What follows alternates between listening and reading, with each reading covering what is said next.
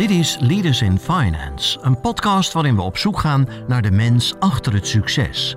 We praten met leiders van nu en later over hun drijfveren, carrière en privéleven.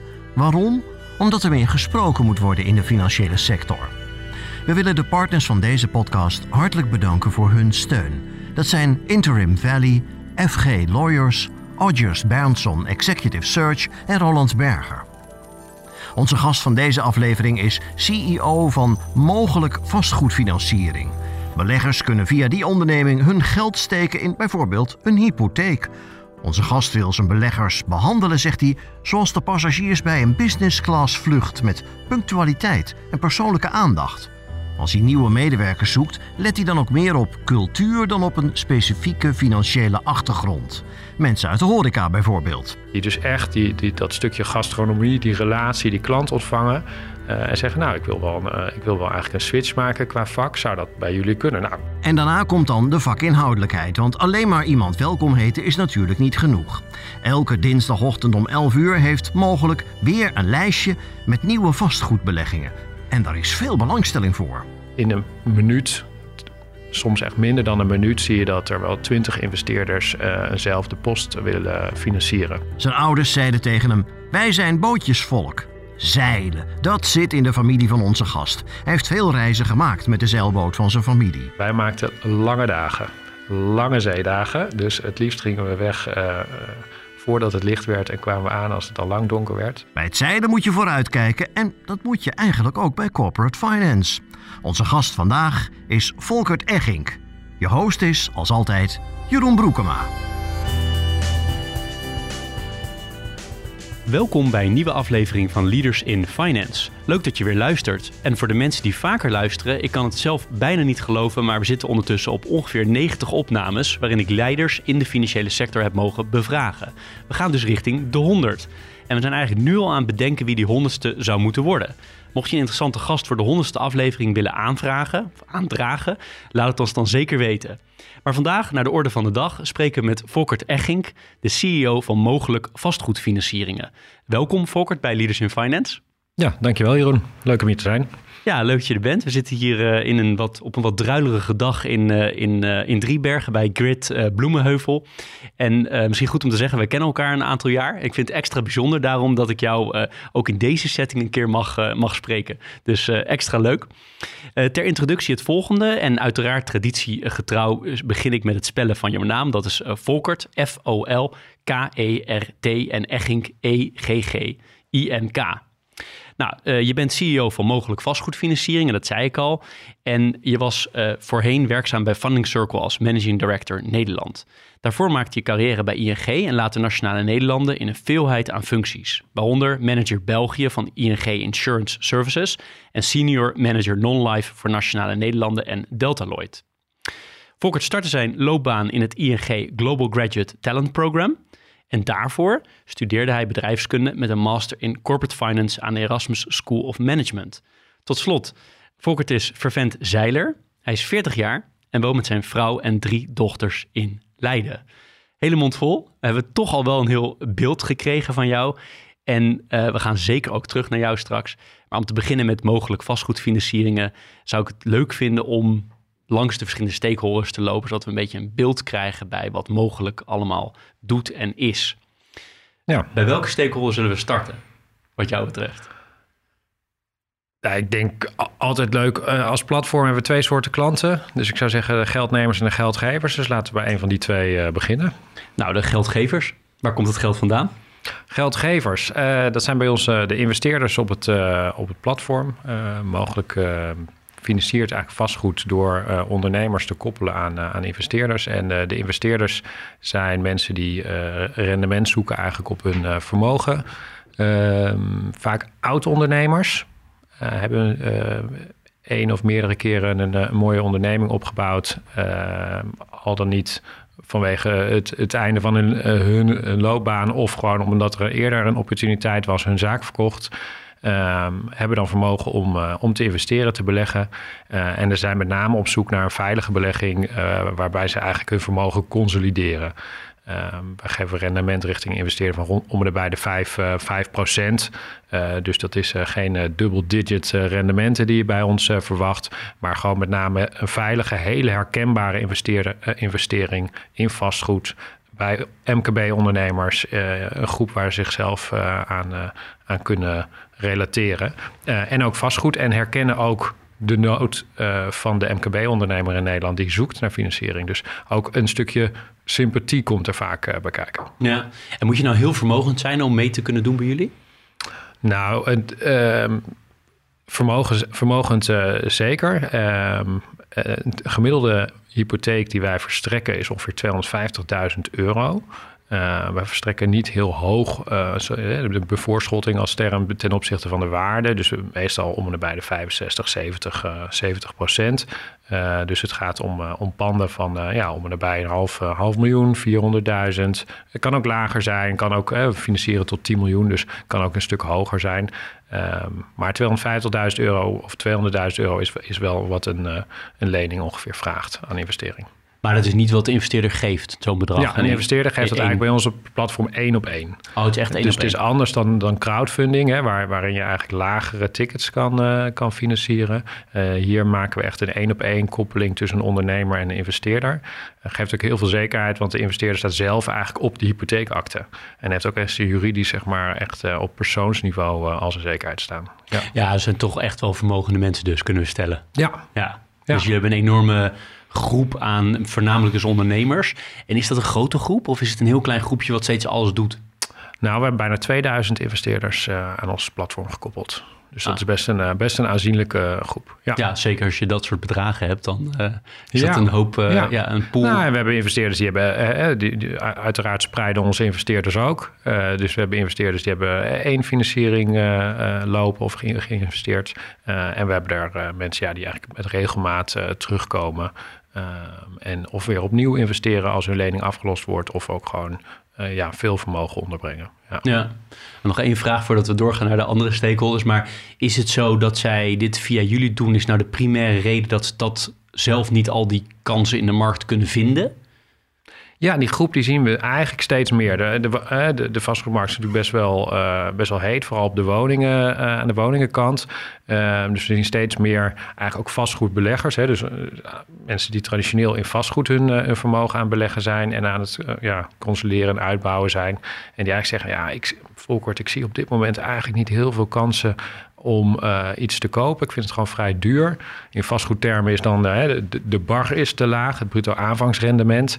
Um, ik denk dat ik maar eens eventjes uh, een stukje veiliger ga zitten. En ik ga even zitten nu op het, uh, op het, op het hypotheek. Hè? Dus ik investeer in een hypotheek. dat betekent dat je natuurlijk niet kan profiteren van waardeontwikkeling van het onderliggende vastgoed. Maar je hebt wel heel veel zekerheid. Helder. Ja. En dan aan de andere kant van de balans, zoals je zelf al zei, de geldgevers. Ja. geldgevers, sorry, geldnemers. wie zijn dat nou precies? Ja, de geldnemers die zijn uh, aan, aan, uh, op het platform eigenlijk, we, zeggen de, onder, de ondernemer en de vastgoedbelegger. Uh, dus ondernemer, dat is voor, want de vastgoedbelegger is natuurlijk ook een ondernemer, maar we professionele klanten die ofwel voor eigen zaak vastgoed kopen, of de vastgoed gebruiken om een financiering op te halen. Uh, dan wel omdat ze uh, beleggen in vastgoed of projectontwikkeling doen in vastgoed. Dus eigenlijk heb je die drie smaken. Ondernemers eigen gebruik, uh, een, een, object financieren. vastgoedbeleggers, die dus gewoon een portefeuille voor verhuurd vastgoed. En projectontwikkelaars. En die projectontwikkelaars natuurlijk ook heel breed. Hè, want tegenwoordig er wordt ge, hè, woningen worden geflipt. er zijn transitiekantoren, bestaande panden, transitie naar een ander gebruik. Eh, dan wel vanaf de grond af aan opbouwen. Um, zelfs uh, agrarische gronden worden gefinancierd, ja, of recreatiewoningen. Ja. ja. Andere stakeholder, uh, jouw collega's, al jouw mensen. Ja. Hoeveel mensen zijn jullie? Waar zitten jullie? Wat doen ze? Ja, we zitten in Breukelen. Uh, en we zitten ja, bijna met 80, 80 mensen ondertussen. ik ben een jaar geleden begonnen, in november vorig jaar. En toen zaten we om en nabij de, de 40, 50 collega's. Um, nu om en bij de, de, de 80. En uh, ja, die zijn in verschillende rollen. We hebben een eigen technologie uh, club. Dus we ontwikkelen zelf onze software. Vinden we hartstikke leuk om, om te doen. Zijn we best wel fanatiek in. Ehm, en dus dat is één, één poot. We hebben eigenlijk één stuk businessmodel. Het draait om het, het, het beheer, het administratiestuk van een portefeuille. Daar zit ook factoring in. dus dat is een, stukje operationeel administratief beheer van een portefeuille. Ehm, en dan hebben we eigenlijk het commerciële team. Het commerciële team is eigenlijk ja, betrokken bij de, uh, ja, de interactie met, uh, met de klanten, zowel de geldnemers als de investeerders. Um, dus uh, dus dat zijn eigenlijk de, de drie, de drie poten. Dus het, het beheer, de IT en het commerciële, commerciële team.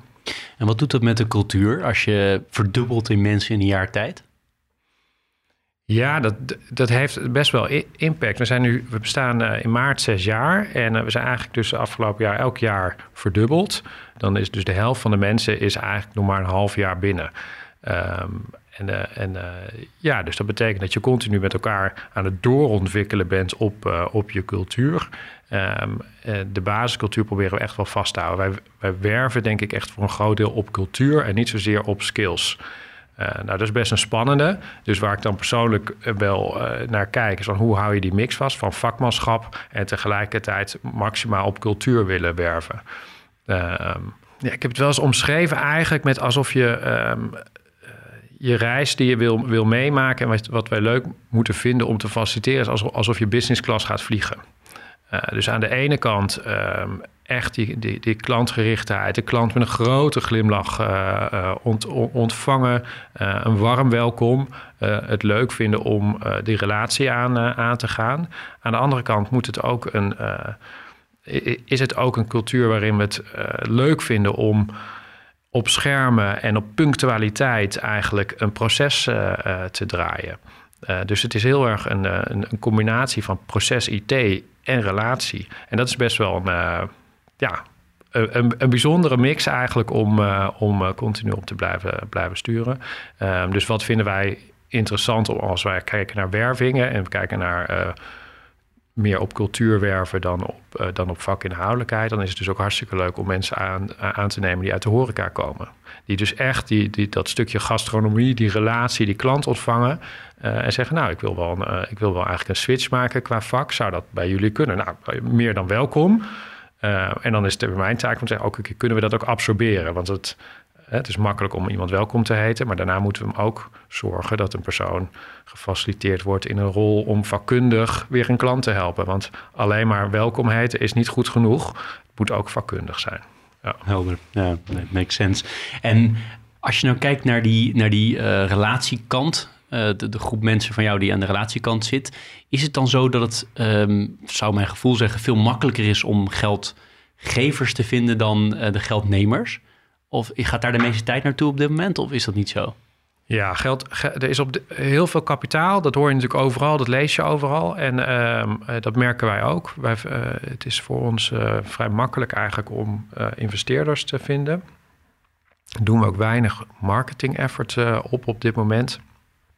Ehm, dus op dit moment zijn we eigenlijk meer um, onze efforts aan het zetten op het vinden van geld, geldnemers. Uh, en de juiste geld, de geldnemers. Dus moet ik het dan zo voorstellen dat als jullie een, ik weet niet hoe je het noemt, een project of een lening ja. of hè, maar een financiering hebben, dat het ook echt boom, binnen seconden is er iemand die het wil, wil vinden? Of hoe werkt dat? Ja, we hebben, we hebben op het platform misschien ook wel goed om te zeggen, we hebben twee financieringslijnen. We hebben dus één een financieringslijn waarin we die, uh, we noemen dat peer-to-peer -peer. Dus die één op één uh, ja, vermogende Nederlander die eigenlijk die ondernemer financiert. Um, aan de andere kant hebben we ook een institutionele lijn. We, onze verhuurhypotheek voor woningen, die uh, we dus niet eigenlijk in de, in de, in de private, in private netwerk, maar met een institutionele bank. Uh, dat komt omdat dat eigenlijk een, heel competitief product is. Er zijn ook veel aanbieders van in de, in de Nederlandse markt. Um, en daar, dat vind je eigenlijk op een lagere rente. Dus dat is uh, om en nabij de 3 procent, uh, velen ook daaronder. Um, en dus dat stuk dat gaat eigenlijk altijd ja, door het acceptatieproces. Um, en is dan gewoon gefund als het voldoet aan de criteria. Op dat platform, waar we eigenlijk mee begonnen zijn, wat ons originele model is, daar doen we één keer in de week uh, zetten wij het live. Uh, dat betekent dat onze investeerders krijgen om 9 uur s ochtends een, uh, een mailtje op dinsdagochtend. daar vinden ze dan tussen de 30 en 40 investeringsaanbiedingen in dat mailtje terug. Ze hebben allemaal een portal waarop ze kunnen inloggen. Dat kunnen ze ook vanaf een mobiele telefoon. We hebben recent een, een app daarvoor gelanceerd. Um, en um, uh, dan kunnen ze vanaf 11 uur kunnen ze eigenlijk een optie nemen of claimen. Dus om 11 uur gaan onze digitale voordeur gaat open um, uh, voor het nemen van een optie of een claim. En dan zie je wel dat, ja, dat het de schaarste zie je dan eigenlijk wel terug. Want dan is in een minuut, soms echt minder dan een minuut, zie je dat er wel 20 investeerders eenzelfde post willen financieren. Um, dus dat, is, ja, dat geeft een beetje de krapte aan van tussen uh, geldgevers. Moet wel een mooi moment zijn dinsdagochtend 11 uur of niet? Dat is een heel mooi moment. En het is ook een, een vrij mensen die ons kennen en bij ons zijn langs geweest, die, uh, die weten dat ook. Want uh, wij, wij, hebben heel veel gedigitaliseerd, maar ook met geluiden en visualisatie. Dus dat betekent dat als je bij ons op kantoor bent om, op dinsdag om 11 uur, dan uh, zie je overal op beeldschermen aan de muur uh, foto's van panden die op dat moment in optie genomen worden of geclaimd worden. Um, en daar gaat ook verschillende belletjes bij af. Dus een, een hoge supermarktgehalte op dinsdag om 11 uur, want dan, ja, dan is het eigenlijk zo dat elk gesprek even stilvalt, iedereen naar de schermen kijkt. En even weer beseft um, uh, ja, welke investeerders we op dat moment kennelijk heel blij hebben gemaakt met het, uh, met het geven van een, uh, een investeringskans in die financiering. En, en dat is heel leuk. de namen komen dan ook voorbij. En dat doet ook iets met de relatie die je hebt met de investeerders. Want je ziet, je ziet meneer Jansen terugkomen. Zeg, oh, meneer Jansen heeft nu in, in Beverwijk een financiering gedaan. En meneer Pietersen in Amsterdam weer gekozen. Uh, nou, dus zo zie je eigenlijk, uh, eigenlijk ook het digitale proces, zie je toch heel fysiek uh, en sensitief, eigenlijk ook met je oren en je ogen, toch terugkomen op kantoor. Ja. Wel slim. Ik baalde wel van dat we het interview niet op dinsdagochtend gedaan hebben. Dat leek me wel leuk. Zo halverwege het interview om 11 uur dan al het geluid en al die visualisatie. Ja. Um, volgende stakeholder waar ik naartoe wilde is de eigenaar. Van wie, van wie is het bedrijf? Ja, de, het bedrijf is, is opgericht dus ja, bijna zes jaar geleden door, uh, door drie ondernemers. Uh, een projectontwikkelaar, een makelaar, die samen eigenlijk ehm, al samenwerkten. Um, en een, een marketeer. Um, die zijn op dit moment ook nog, nog steeds eigenaar. afgelopen jaar, afgelopen twaalf maanden, is eigenlijk een directie toegevoegd. Ikzelf, een collega die zich focust op de verhuurhypotheek en de institutionele markt. Eh, voor die funding eh, en een CFO. En, ehm, ehm, en wij participeren ook in het bedrijf. Ja. Dus het zijn eigenlijk ondernemers die na, uh, na een jaar of vijf hebben gezegd van we gaan naar het volgende niveau. En we willen nu een aparte directie opzetten, maar zitten ze er zelf dan ook nog in, al in die directie? Ja, ze, ze eigenlijk als, en, en, niet in directie, maar als partner zijn ze betrokken bij het uh, bedrijf. Ze hebben alle, alle drie eigenlijk um, ja, terug naar waar hun energie zit dus het bedrijf groeit, dat bereikt op een gegeven moment uh, die 40 mensen. Uh, ja, ondernemers, dus in ondernemerschap moet je natuurlijk heel breed alle ballen in de lucht houden. Ook misschien de ballen waar je op een gegeven moment minder energie van krijgt. Ehm, maar dat wordt een steeds significanter deel. Um, en eh, nou, misschien ben je er ook wel niet goed in. Um, dat gaat vaak samen. Hè? Dat is energie en, en, waar je wel of niet goed in bent. Um, en dat was eigenlijk het momentum dat, uh, dat ja, de rol die ik nu heb, hè, want ik ben ook wat dat betreft de eerste um, CEO van, uh, van Mogelijk, eigenlijk vrij kwam. en nou, dus één partner is heel specifiek op de positionering van het bedrijf, dus de hele marketingmachine voor ja, mee, mee, bezig. Eentje echt op het relatiemanagement van het platform, investeerders, geldnemers, tussenpersonen. Dit is ook een belangrijke uh, belangrijke schakel. En eentje echt op die innovatiekant. ja. Ah, best knap, want ik kan, denk dat er heel veel ondernemers zijn die die stap niet zo snel of nooit zullen zetten. Die toch de touwtjes helemaal in eigen hand willen hebben. Nu zijn ze natuurlijk nog aandeelhouders, de stempel kunnen ze altijd nog wel drukken. Ja. Maar toch, je moet er ook wel lef voor hebben, denk ik, om dat te doen. Ja, ja, en, uh, en ja, dat, ik moet zeggen, daar geniet ik el, elke dag van. Het is een, uh, is een team die uh, flink ambitie, is echt een, een, een drive in, in, in, in het bedrijf ook. Ehm, maar ook heel goed kunnen ja, delen en die reflectie eigenlijk hebben om, om te delen en weten wanneer je gaat versterken. het team. En nou, dat is een, een hele mooie, mooie combi. Ehm, en ik denk dat dat een van de succesformules is van hun, van hun, van hun drie eigenlijk. Ja. Helder. Ik ga nog even verder met mijn stakeholders, want het is toch wel leuk. We blijven wat lang hangen, maar dat is wel heel boeiend. We krijgen een mooi verhaal erbij uh, omheen uh, als beeld over, over mogelijk. Um, aan de toezichtskant, staan jullie onder toezicht of niet? Of hoe zit dat precies in elkaar? Uh, nee, we staan niet onder toezicht. we zijn geen crowdfunder, hè? dus we, we, hebben te maken met professionele ehm, beleggers. dus dat betekent dat wij niet onder het crowdfundings-uitzonderingsregime vallen. Ehm, eh, dus wij staan, we staan op dit moment eigenlijk niet onder toezicht. En wat er nu, je hebt nu de Europese regelgeving die erbij komt, de ESCP. Ehm, die wordt uitgerold, nou, dan zullen we er wel onder vallen. Want die stelt eigenlijk niet zozeer die grens van uh, de professionele belegger eigenlijk als crowdfunding platform criterium. Dus dat uh, speelt erbij. Daar zit ook nog bij dat we met een stuk factoring erin Ehm, en met die ESP dat wellicht uh, daar ook nog een DNB-vergunning bij komt kijken. Nou, dus ik, ik zei afgelopen maand al maak je borst maar nat. Over een, over een, jaar, over een jaar tijd hebben we drie vergunningen voor alle verschillende diensten. Dus je ziet dat, dat, dat het toezicht wat dat betreft verstevigt. Uh, al die nieuwe non-bankaire initiatieven, die uh, uh, ja, is voor de toezichthouder ook een beetje uitvinden welke vorm van toezicht gaan we daarop op toepassen. er zijn actief gesprekken over en dat groeit. En dat is een beetje een co-creatie op, wat, op Europees niveau eigenlijk en op landelijk, landelijk niveau. Ja. ja. Helder. Als andere stakeholder nog ehm, concurrenten, eh, wie zijn dat nou eigenlijk? Zijn dat nou de, de traditionele financiers of zijn dat partijen zoals jullie? Meer, ik noem jullie maar even een fintech. Ik weet niet of dat een terechte, terechte benaming is, maar hoe kijk je daarnaar?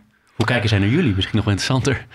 Ja, nou, ik denk dat um, dat verschilt. Ik zeg eigenlijk heb je uh, aan de financieringskant, ik noem het altijd maar even drie markten. Uh, de bankmarkt, als je het in, in percentage uitdrukken, noem ik het wel eens de, 2%-markt. Uh, dan heb je de institutionele gefunde platformen.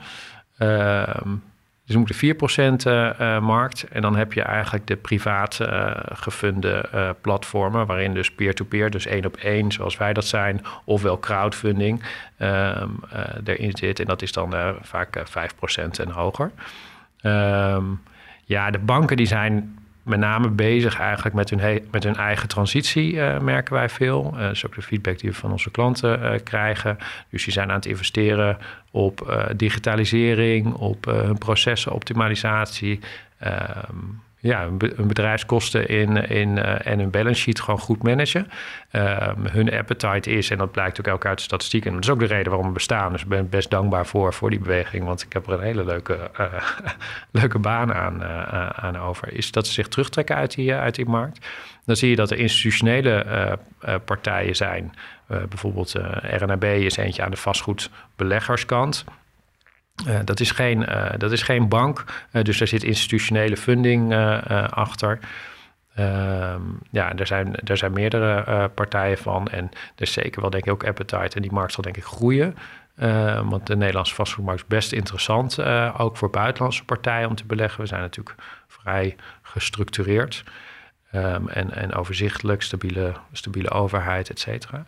Um, en dan heb je eigenlijk nog ja, op de private markt heb je veel, veel crowdfunding platformen, soms allemaal met een eigen smaak. Um, en, uh, ja, en een aantal peer-to-peer -peer, uh, platformen. Ja. ja, er zijn uh, ja, meer dan 50 non-bankaire partijen zijn er in Nederland. En het is ja, de, de, de, voorspelling is ook dat het binnenkort voor MKB-financiering de non-bankaire markt groter is dan de bankaire markt. Ja, dat zijn natuurlijk uh, ja, ook, ook wel bizarre transities. En misschien is het niet eens zo heel snel, hè, want die beweging is al tien jaar gaande. Um, en uh, nou, als het binnenkort wisselt, dan is het misschien over vijf jaar. Dus dan is dat in een tijd van 15 jaar gebeurd.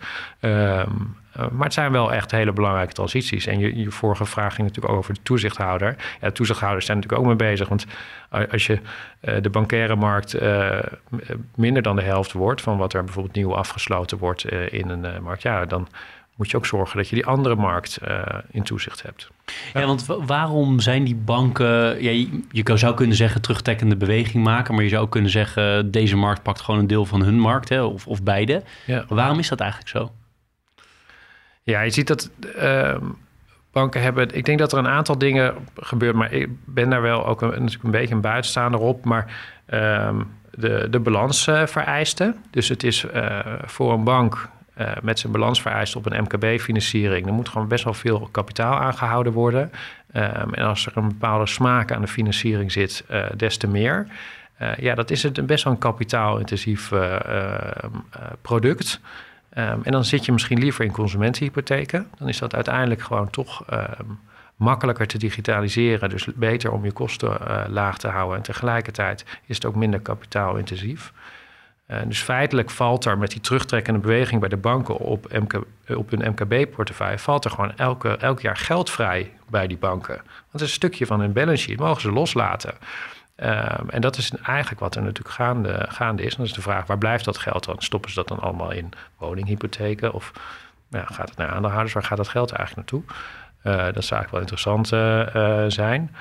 Um, en daarnaast is natuurlijk ook gewoon het, het ja, digitaliseren van MKB is best wel een stukje ingewikkelder dan de consumentenmarkt. Dus ik denk dat, het, dat, dat de trend die ik nu zie Weet je, of het nou Rabobank is of SNS, eh. Iedereen is bezig met initiatieven om het digitale proces uh, makkelijker te maken.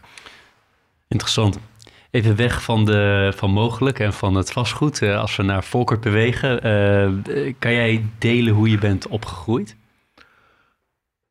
Ja, ik ben opgegroeid in Zwolle. Ehm, dus eigenlijk een hele ja, hartstikke leuke, leuke tijd gehad in, in Zwolle. Mijn vader was, was een tandarts. Ehm, en mijn moeder was, was af en toe wat onrustig, maar was veel, veel, veel thuis. en af en toe besloot ze drogist te worden of, uh, of, of iets anders. Of ging ze vrijwilligerswerk doen of uh, ding. Maar veel, veel al thuis. Dus ik heb wat dat betreft heel, altijd ook in dezelfde straat gewoond. Dus een heel jaren 70, 80, 80 wijk. Dus wat dat betreft een hele ja, stabiel, stabiel plekje gehad. Ja. ja. En broers en zussen? Ik heb één broer, ja. En wat voor sfeer hing er thuis qua... Um, ik zeg normen en waarden? Of wat was belangrijk voor jullie gezin? We zijn, we zijn niet een heel uh, klef uh, gezin, noem ik het maar even. Klef, dat geeft al aan wat voor kleur ik eraan uh, aangeef. dus dat niet. Ik, ik zeg wel eens, wij zijn een soort Thunderbirds Go Live gezin. als er actie in de taxi is, dan staan we allemaal aan. En dan zijn we er ook, ook voor elkaar, ook als het minder goed gaat. maar voor de rest zijn we ook heel autonoom. En uh, je, gaf al aan, wij zijn, uh, wij zijn uh, zeilers. van huis uit ook. Hè. Mijn moeder zegt altijd, wij zijn bootjesmensen. Want ook um, allebei mijn groot, grootouders... die hadden wat met watersport en hadden boten.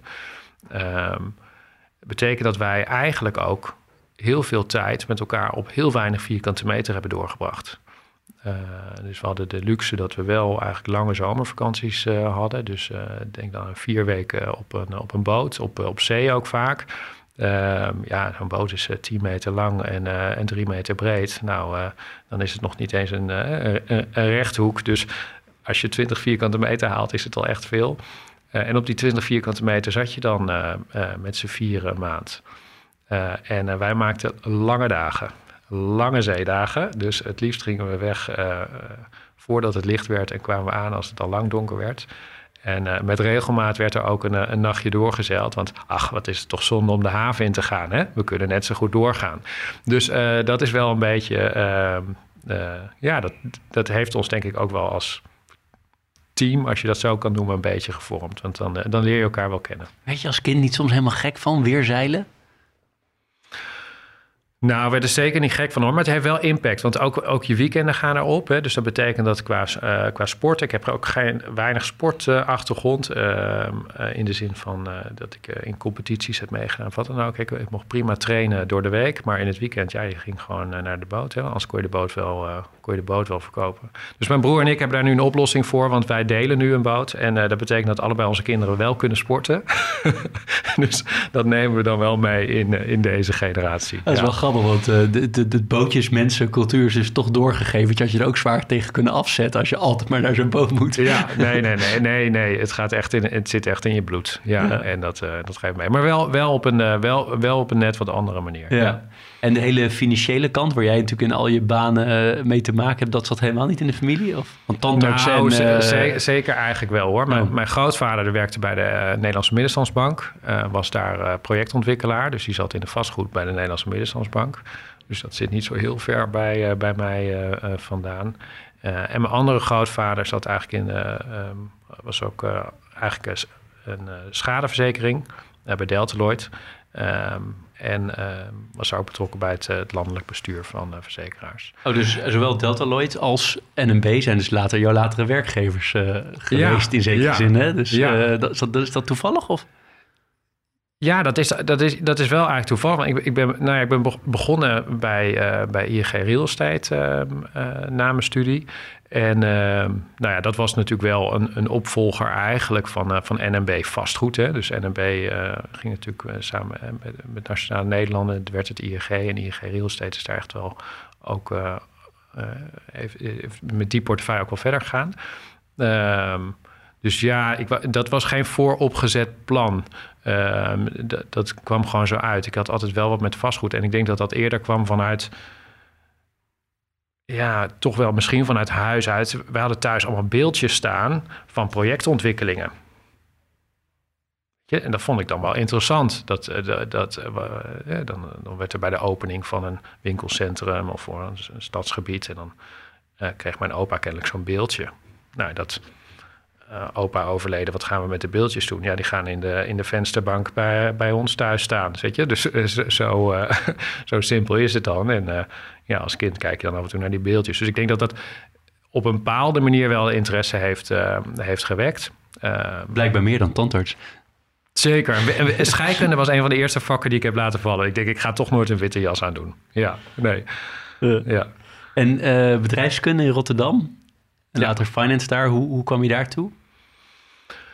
Ja, ik, ik, ik, wilde eigenlijk richting uh, uh, bouw, uh, bouwmanagement. dat was eigenlijk mijn vooropgezette plan nadat ik mijn VWO had gehaald. toen ging ik naar, naar architect, architectuur studeren in Delft. En ja, toen ging ik opeens dat ik maquetten bouw en kreeg ik tekenles. En ja, um, creativiteit is, het, is niet per se in mijn. Uh, komt niet echt uit mijn handen. In ieder geval. Ik vind het leuk om ergens naar te kijken, maar uh, niet uit mijn handen. En ik werd er ook heel erg onrustig van. Uh, en kwam er toen eigenlijk pas achter. Ik had me gewoon slecht georiënteerd wat dat betreft. Dat, dat je een heel, jarenlang eigenlijk architectuur doet. En dat je dan pas in je master management zou gaan doen. Um, en dat, dat duurde mij te lang. Was ik te onrustig voor. Toen heb ik gezegd, nou dan ga ik, ga ik eerst al management doen. En dan pak ik er later wel weer vastgoed bij. Uh, en zo is het eigenlijk ook uh, gegaan. Ik ben naar Rotterdam gegaan, bedrijfskunde. Uh, wat echt een goede, ja, wat studie is die echt bij me past. Ontzettend breed. van, van psychologie tot aan statistiek, tot aan, aan finance, alles bij elkaar. Dat is echt ja, wat ik vandaag ook ontzettend leuk vind in mijn huidige rol. Ehm, ja, en altijd heeft het erin gezeten van ja, als ik twijfel, dan viel ik terug op analyse. dus letterlijk was op een gegeven moment mijn keuze voor corporate finance was de keuze voor een Excel master. Weet je, want als ik één ding weet, dan heb ik het in ieder geval een jaar lang naar mijn zin. dus Excel master, mooi. Een Excel master, ja, en dat was het. En, en, en, mijn ouders hadden liever gehad dat ik accountancy was gaan doen. En ik heb daar even aan gesnuffeld bij KPMG. Waarom wilden ze dat liever? Ja, ik denk toch een vrij traditioneel beeld van dat is een, dat is een, uh, is een, is een goede baan. Um, dan kan je ja, een goede verantwoordelijke baan. En dat, dat Had je zelf een beeld bij waar je naartoe wilde? Nou, ik heb even gesnuffeld ook al aan, aan accountie. En ik vond achteruit kijken, dat, nou, dat, dat, dat vond ik vreselijk. dus ik heb bijna, een, ik geloof een twee weken meelopen. Ik kon, kon bijna die twee weken eigenlijk ook moeilijk volhouden. Terwijl ik eigenlijk boekhouden een heel leuk vak vond. Maar dat de hele dag achteruit kijken, dat vond ik zo dat benauwde eigenlijk. En dat, dat, met, dat vond ik leuk aan corporate finance. Corporate finance kijk je natuurlijk echt, echt uh, meer vooruit naar hè, wat is de staat van de zaak van vandaag. En, en hoe kan je dat optimaliseren naar, uh, naar de toekomst toe. Ja. Hoe omschrijf je jezelf als student? Uh, sociaal, denk ik. Ehm, nieuwsgierig. Ja. Harde werker, meer feester? Ja, ik heb alles wel eruit gehaald, ja. Ja, ja. Ja, op een gegeven moment, uh, ik heb natuurlijk eerst een, jaar in Delft gezeten. Toen ging ik uh, een jaar in Rotterdam studeren. Toen ging ik er een jaar tussenuit om, uh, om een bestuur te doen. Dus toen waren we al drie jaar verder en we hadden één jaar opgeschoten. ik weet dat, me, dat, dat mijn ouders toen hebben gezegd, dat is goed. Maar daarna in één streep naar de finish graag. En ehm, nou, dat, dat, was ook, dat vond ik ook helemaal niet moeilijk. Want ja, mijn omgeving was ondertussen wel uh, verder. Dus nadat ik eigenlijk na mijn bestuursjaar één jaar studie erop had zitten, in feite dus het tweede jaar in ging, ging mijn omgeving was bezig met zijn scriptie. En ik ging mijn tweede jaar in. dus toen heb ik ook wel gas, gas opgezet. dus, dus het advies slash de dwang is ook uitgevoerd. Nou, met, de finish. Maar, ja, mijn ouders hebben eigenlijk nooit dwang. Dat is wel goed, mooi, mooi dat je dat eigenlijk zo benoemt. Ze hebben altijd heel veel vrijheid gegeven maar wel een hele duidelijke uh, grens. Uh, dus de, de, je had een soort van hele impliciete druk. Van in principe moet je gewoon vooral helemaal zelf weten. Uh, maar het, het, het, moet wel in deze lijn is de uitkomst. Ja. Uh, en dat is gezult afstuderen. Ja, ja. en heel veel vrijheid en doe je ding en la, laat me weten wat jij wil. Um, maar het eindresultaat moet hetzelfde zijn. Ja. En je noemde even bestuur. Wat voor bestuur was dat? Uh, van uh, van de, ehm, de studievereniging van bedrijfskunde. Ja, oké. Wat was je rol? Financiën. Financiën, kijk. Ja. De Excel, Het Excel-bestuur. nee, dat is, dat is wel een, een duidelijke, ja. duidelijke, duidelijke lijn. Zijn er bepaalde vormende momenten geweest als je kijkt in die periode van nul tot einde studie? Ik weet niet wanneer het precies was, 25 of zo. Ja. Zeg maar wat. Maar zijn er hele vormende momenten geweest voor jou?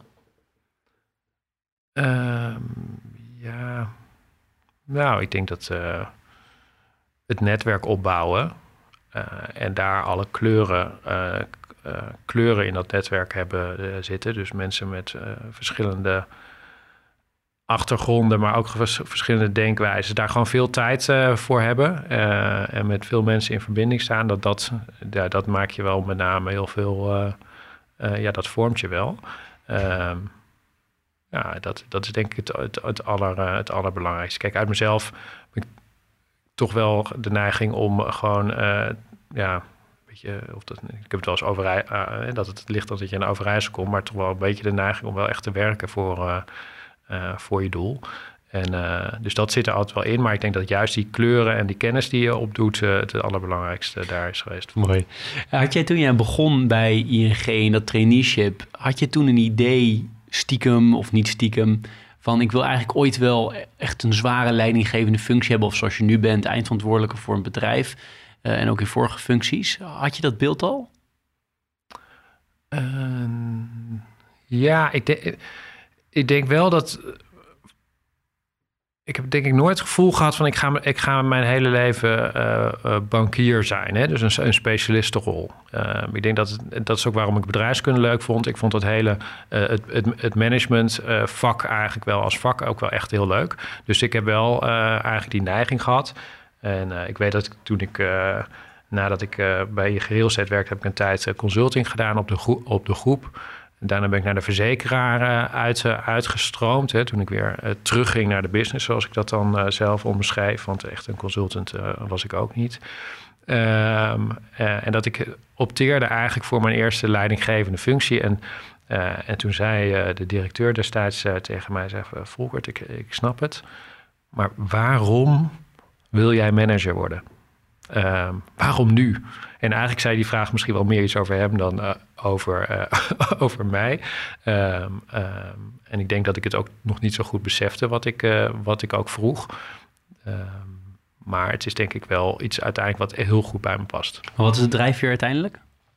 De breedte. Ik kan maximaal genieten als ik eh, eh, van een, uh, een, een, meeting over IT-architectuur of security risk kan overstappen naar HR, naar marketing, om daarna een klantgesprek in te rollen. Ehm, ja, dat, die, die afwisseling, ja, daar ga ik echt helemaal op. continu heel snel schakelen vraagt het. Het vraagt om overzicht en diep en weer terug naar overzicht. menselijk, analytisch, alles door elkaar. Ja, en, en ja, dat ik kan al mijn energie erin kwijt. En dat, dat vind ik het mooist. Leuk maak even een switch naar. Ik heb in de voorbereiding proberen zoveel mogelijk over jou te lezen. Ik wist ook al best wel veel over je, maar op internet nog verder. En dus uh, op LinkedIn vond ik ook een, uh, vond ik ook leuk om altijd door die uh, aanbevelingen van mensen te lezen over jou. En ergens heb ik een quoteje uitgehaald die ik wel leuk vind om, om te bespreken met je. Er staat er quote: Hij gaat door het vuur voor zijn mensen, maar ook voor de purpose van de organisatie. Dus ik lees dat als zijnde: ja, je, je bent heel erg daar voor de mensen, maar uiteindelijk het bedrijfsdoel hou je altijd in de gaten. Moet ik het zo zien? Ja. En dat kan ook betekenen dat dat dan niet werkt voor mensen? Of hoe, hoe gaan die twee samen? Dat, ja, dat, ja, mij betreft gaat het heel goed samen. Ehm, ehm, ik, ik, denk, ik geloof in, uh, in, in teams. Weet je, ik, ik, um, ik zei het net een beetje, als een beetje socialist zit er ook wel in. Ik vind hiërarchie ook, uh, heb ik altijd ook wel een beetje ingewikkeld uh, gevonden. Dus ik, ja, ik, ik probeer vrij gelijk eigenlijk gewoon in, in een team samenstelling te werken. Maakt niet uit. We gaan met elkaar een doel bereiken. Ik vind het hartstikke leuk om een team te doen. In mijn eentje werken vind ik sowieso uh, minder gezellig.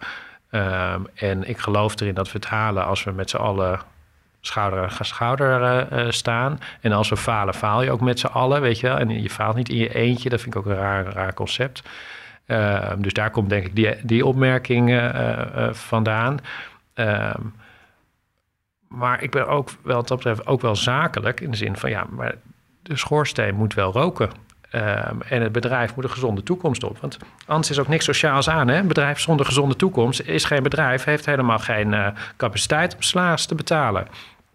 Um, uh, en ook niet om, uh, om een feestje te geven met de medewerkers. Dus dat gaat bij mij echt hand in hand um, samen doen, maar ook ja, de, ja, een zinnig schoorsteen laten roken.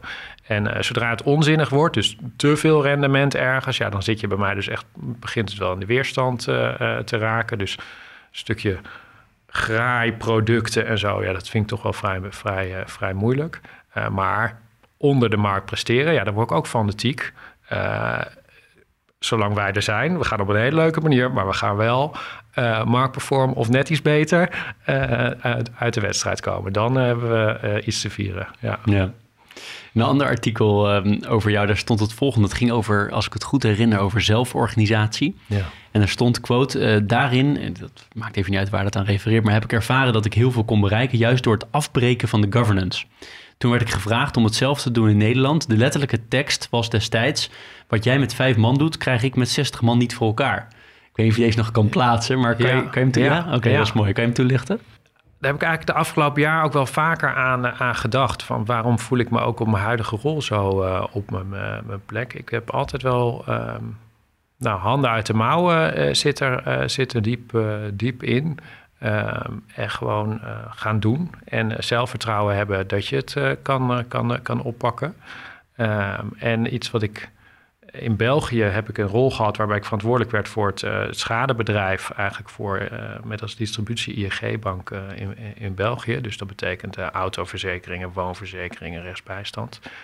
Um, en dat moest eigenlijk grotendeels op, opgezet worden. Er was enkel een verlieslatend autoproduct, waar ik geloof 10 miljoen per jaar verlies uit, uitkwam.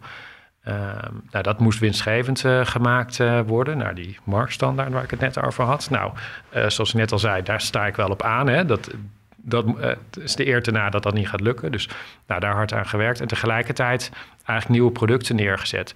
Ja, en ik dacht, ik had zelf die strategie gemaakt. Want het was eigenlijk niet heel lang nadat ik zelf uit, uit de strategieclub kwam van, van ING. En ik dacht, nou, dan heb je dus als je een verzekeraar uh, wil hebben, dan heb je één marketeer nodig. Je hebt één iemand nodig met verstand van processen. één iemand voor het product. Iemand die het, uh, het operationele team aanstuurt. Ja, en de rest, de rest doe ik wel. En, en nou, een hartstikke leuk team verzameld. En wij gingen gewoon aan de bak. En we hadden een heel klein team, iedereen zijn eigen vakgebied. We konden snel schakelen. En het was dus eigenlijk bij ongeluk een heel zelfsturend, multidisciplinair, eh, eh, veel eigenschappen van agile in zat daarin. En dat was eigenlijk per ongeluk een beetje zo gekomen. En ik kreeg gewoon heel veel vrijheid en mandaat vanuit, mijn, uh, vanuit de directie om mijn ding te doen. En volgens mij keken ze er ook zo naar. Goed, als je twee keer zoveel mensen had gevraagd, had je het ook gekregen. Maar kennelijk, jij vraagt er niet om, dus laten we zo beginnen. Misschien ook een soort van makkelijke, makkelijke proces. Um, en um, uh, dat, dat ging heel goed. En in Nederland hadden we eigenlijk een andere organisatie. Hadden we een organisatie die al 150 jaar bestond. Dus ga daar ook, uh, in je hoofd is het natuurlijk ook bizar. En al 150 jaar deden zij woonverzekeringen. Um, en zij waren marktleider geweest en meerdere distributie. Dat was helemaal groots geworden. Dat waren heel veel disciplines geworden. Dat was, liep helemaal vast in zijn eigen governance. Ehm, en als je daar dus een beweging wilde maken in dat bedrijf, dan, dan liep je vast. En ik denk dat het eh, voor, voor veel mensen herkenbaar is, waar, waar grote bedrijven op een gegeven moment tegenaan uh, aan, aanliepen. Um, dus toen zei ze, nou, als jij nou eens met jouw mindset in ons bedrijf uh, een stuk in Nederland komt, en dus eigenlijk voor het Nationale Nederlandenmerk uh, van particuliere schadebedrijf onder je hoede neemt, dan gaan we kijken of we verschil maken. Nou, toen ben ik in één grote fout gestapt. En eh, dat was namelijk dat, er, dat de vraag eigenlijk was: wil je dat erbij doen? Uh, dat heb ik een jaar gedaan, want ik dacht, nou, ik heb een, leuk team met mijn, met mijn, met mijn leidinggevende toen en dat, dat doen we. na een jaar was ik kapot. Uh, want over die twee landen heen, uh, met één organisatie die heel moeilijk is, aan de andere kant een politieke organisatie, uh, politieke verschillen, culturele verschillen, waar je moest opbouwen. Ik was kapot na een jaar. Ik zeg, joh, um, ik ga een van de twee banen teruggeven, want je hebt mij gevraagd om een verschil te maken, is niet gelukt. Ik heb gewoon vooral alle ballen in de lucht gehouden. dus feitelijk heb jij één FTE bespaard. En uh, we zitten hier allebei niet om uh, één FTE aan kosten te besparen. Dat was niet, dat was niet de vraag, uh, want we gingen verschil maken. Dus je krijgt België terug, was de leukste van de twee, vond ik wel. maar België teruggegeven en met hoe full, full pool gaan focussen op, op nationale Nederlanden, waar al heel snel Deltaloid bij kwam. Ja. ja. Maar betekent dat ook dat je um, ook in je huidige werk heel voorzichtig bent met mensen toevoegen?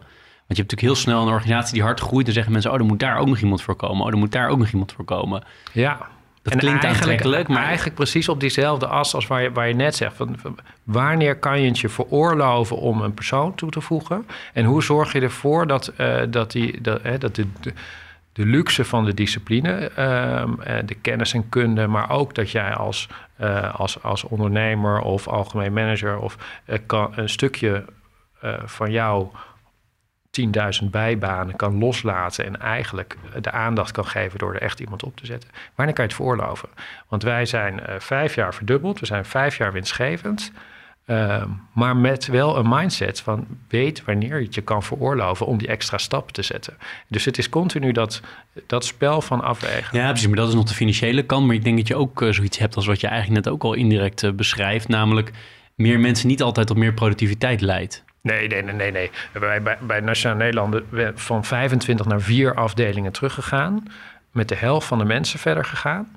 Um, en we zijn drie keer zoveel uh, commercie gaan doen. Um, Te veel overleggen? Het, het, ja, heel veel overleggen. Uh, heel veel ingewikkelde governance. Uh, daardoor besluitvorming die niet op gang komt.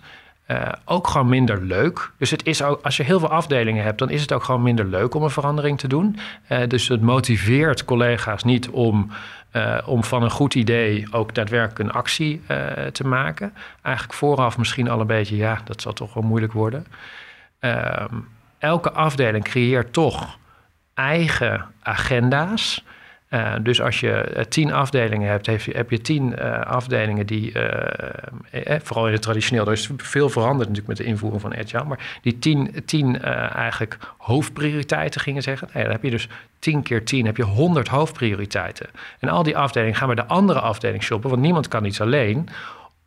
Dat support op, op hun tien dingen. Dus bij elkaar heeft eh, eh, hebben ze allemaal aan het begin van het jaar bedacht dat wat 100 hoofdprioriteiten zijn. Ja, dat, dat komt niet in beweging. Want dan krijg je een soort onderhandeling. Als jij mij hierbij helpt, help ik jou daarmee. Nee, met z'n allen één doel.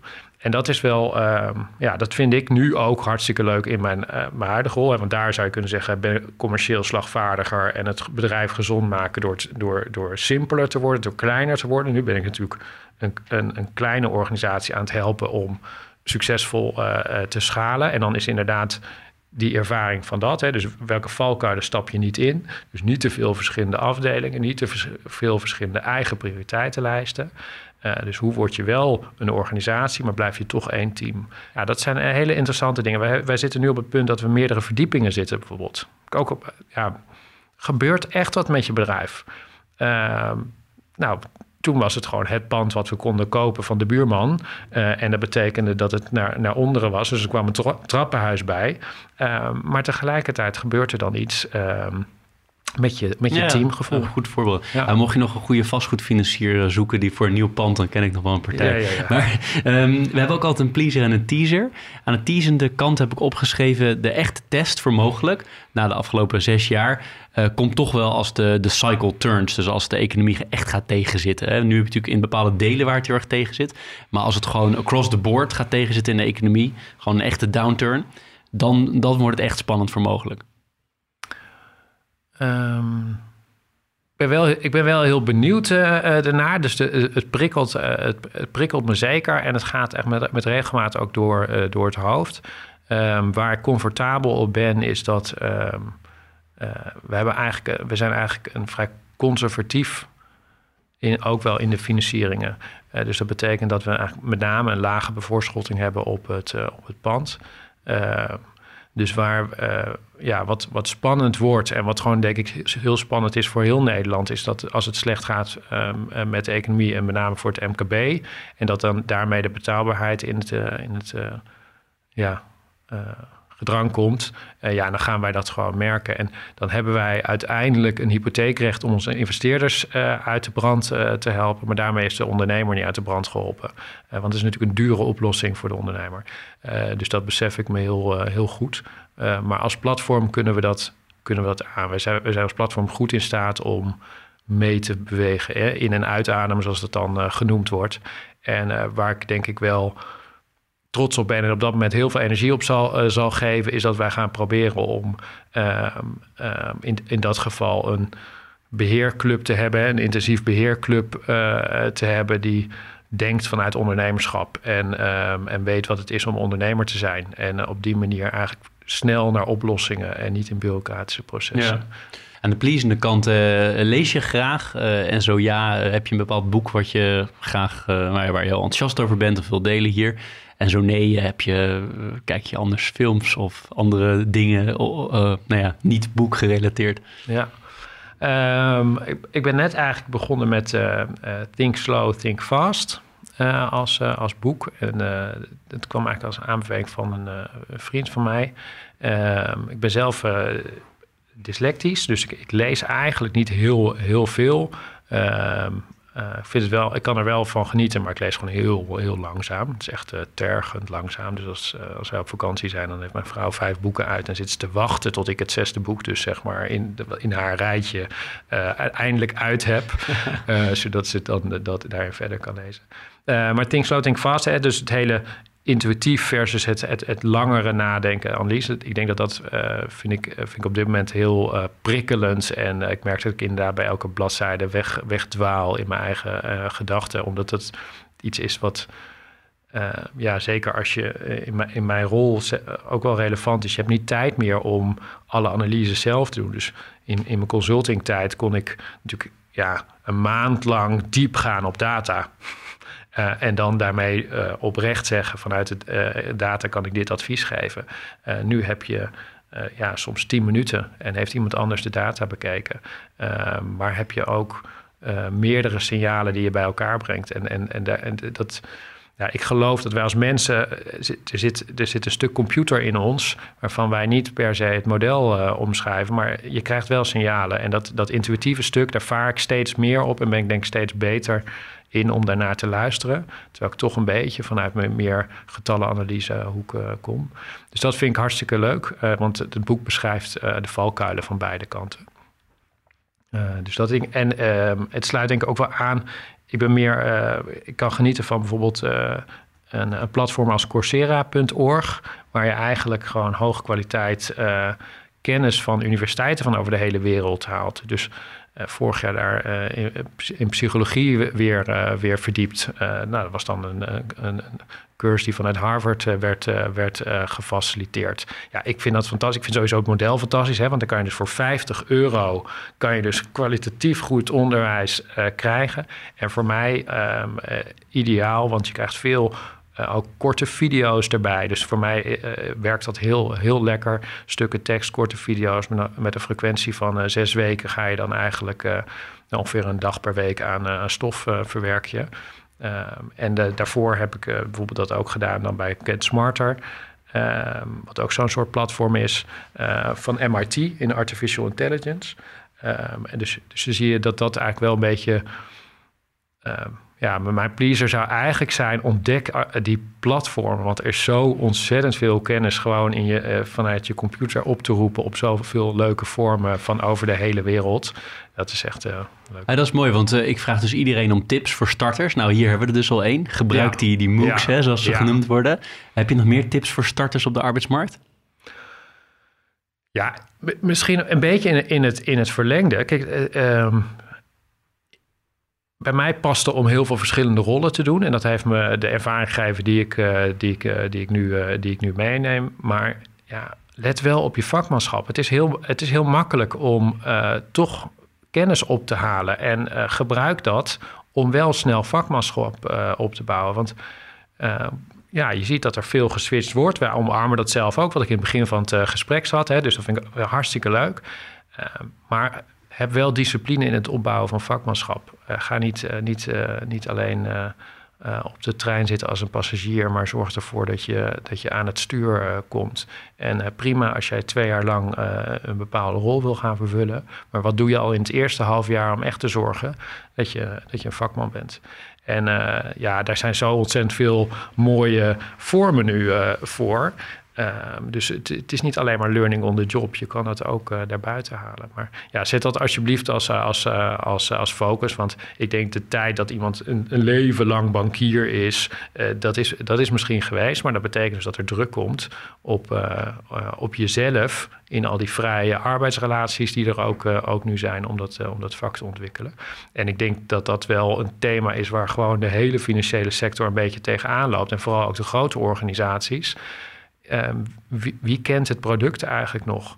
Ehm, wie, wie, wie, kent nou echt die, die voorwaarden? Ehm, de actes, uh, welke clausules die erin zitten? Waar komt dat vandaan? het begint uh, soms wel op te lijken dat je echt uh, ja, ver moet zoeken om de, om, de, om de vakspecialist nog te vinden. Ja, dus verdiep je uiteindelijk. Verdiep je, wat je ja. doet. En, Doe dat, en doe dat snel, want uh, als je er niet jaren werkt... dat betekent dat je gewoon in de eerste twee maanden die verdieping moet hebben gemaakt. Ja, helder. ja paar wrap-up uh, questions, zo, uh, vragen zo aan het einde van, richting het einde van het interview. Um, het managen van werk en privé. Hoe deed je dat en hoe doe je het? Dat is, dat is ik vind het werk heel leuk om, om te doen. Ehm, ik denk dat ik de eerste vijf jaar misschien daar wat, wat, uh, wat meer zocht naar echt de scheiding tussen werken en privé. En kijken dat je dat ook in, uh, in, uh, in balans hebt. En eigenlijk heb ik de laatste jaren van ja, ik wil gewoon, ik wil gewoon heel leuk werk. ik wil ook gewoon heel erg naar mijn zin hebben op het werk. dan is het ook wat minder kritisch hoe die grens er zit. Ja, natuurlijk, ik heb drie kinderen. dus het, het, het, is wel, het is, het is af en toe wel lastig. Je vrouw werkt ook? Ja, mijn vrouw werkt ook vier dagen. Uh, ik werk zelf vijf, uh, dus uh, we zijn een samen negen gezin, noem ik het wel. Um, maar we hebben wel veel ondersteuning thuis. Hè. Dus mijn, schoonmoeder helpt. We hebben iemand die aan huis één dag de kinderen ehm, opvangt. nou, dan doen ze nog een, een, een, een dag BSO en zo vliegen we eigenlijk een beetje zo de week, de week door. en ik persoonlijk ja, heb het voordeel dat mijn vrouw op dit moment werkt in de gemeente waar wij wonen, dus in Leiden. Dus die zit eigenlijk op, ja, op een korte afstand van werk, school en, en thuis. Dus die, in, in deze fase kan zij daar kan ik daar ook echt op leunen en ben ik daar super blij mee. Maar daar hebben we ook inderdaad ook wel gesprekken over. Ja, hoe, je kan het niet altijd allebei. Hè? Dus als, eh, als ik van baan wissel, dan hebben we ook inderdaad ook wel het gesprek met elkaar van: hey, is dit een moment dat we zouden gaan switchen? Nou, en dan is het ook maar net wat er, wat er voorbij komt. Ehm, of, of, de, of we dat pakken. Ja. ja. En hoe blijf je fit? Um, ja, ik denk, ik, ik focus vooral op emotioneel uh, fit, uh, uh, fit zijn. Zorgen dat je, um, ja, dat, je leuk, dat het, dat het leuk, leuk is en leuk blijft wat je, wat je doet. en ik let wel, wel duidelijk ook echt wel op, op mijn voeding.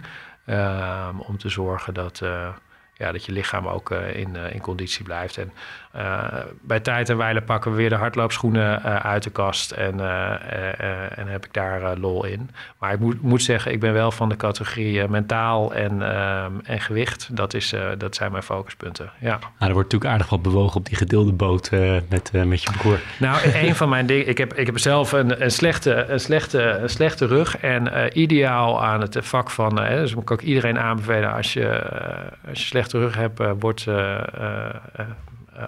ik doe iets generieks, hè, dus uh, algemeen management. Ik loop de hele dag van meeting naar meeting. Ik ben heel veel in beweging.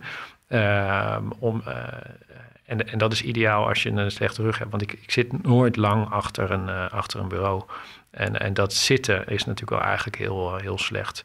Als we naar de toekomst kijken, mogelijk is het niet ook heel leuk om dat in het buitenland te gaan doen? Dat, dat wilde ik je nog vragen. En aan de toekomst van jouzelf, is er nog een bepaalde functies? Nee, even niet op uh, hele korte termijn, niet de komende jaren, want dat, uh, weet ik wel wat voor antwoord ik krijg.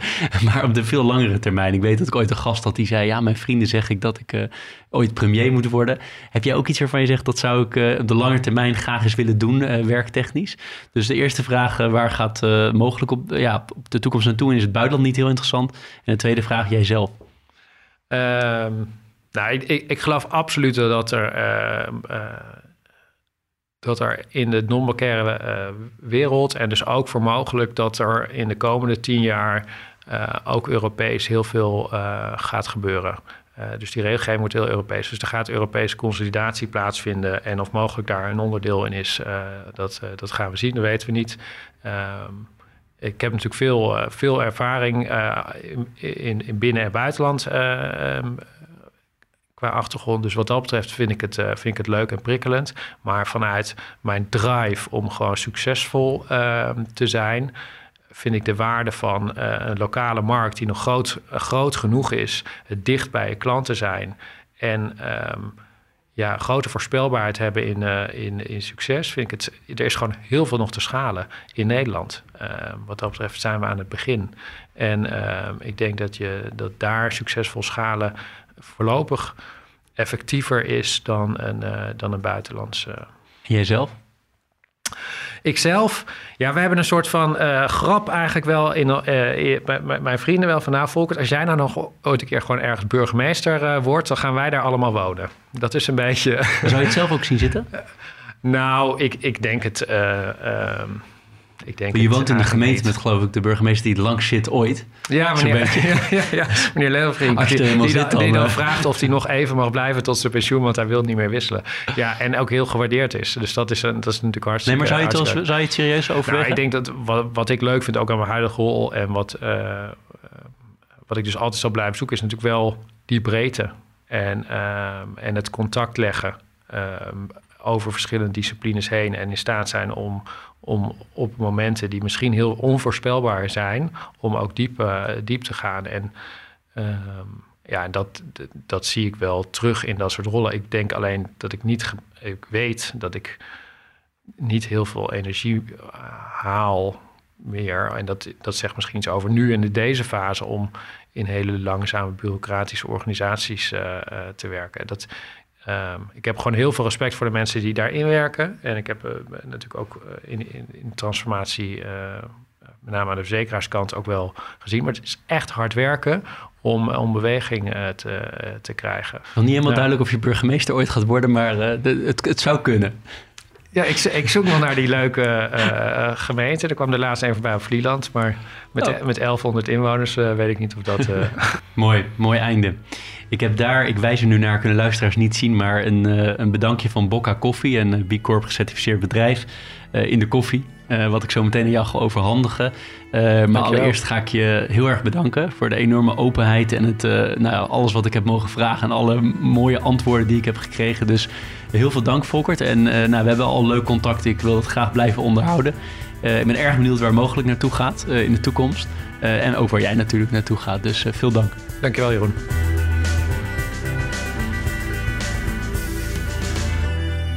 Dit was Leaders in Finance. We hopen dat je deze aflevering met veel plezier hebt beluisterd. We stellen je feedback erg op prijs. Wat houdt je bezig en over wie wil je meer horen? Laat het weten via een Apple of Google review. Dat kan ook via de sociale media kanalen of direct via een e-mail. We kunnen het enorm waarderen als je dat doet. Tot slot danken we onze partners voor hun steun. Dat zijn Interim Valley, FG Lawyers, Odgers Berndsen Executive Search en Roland Berger.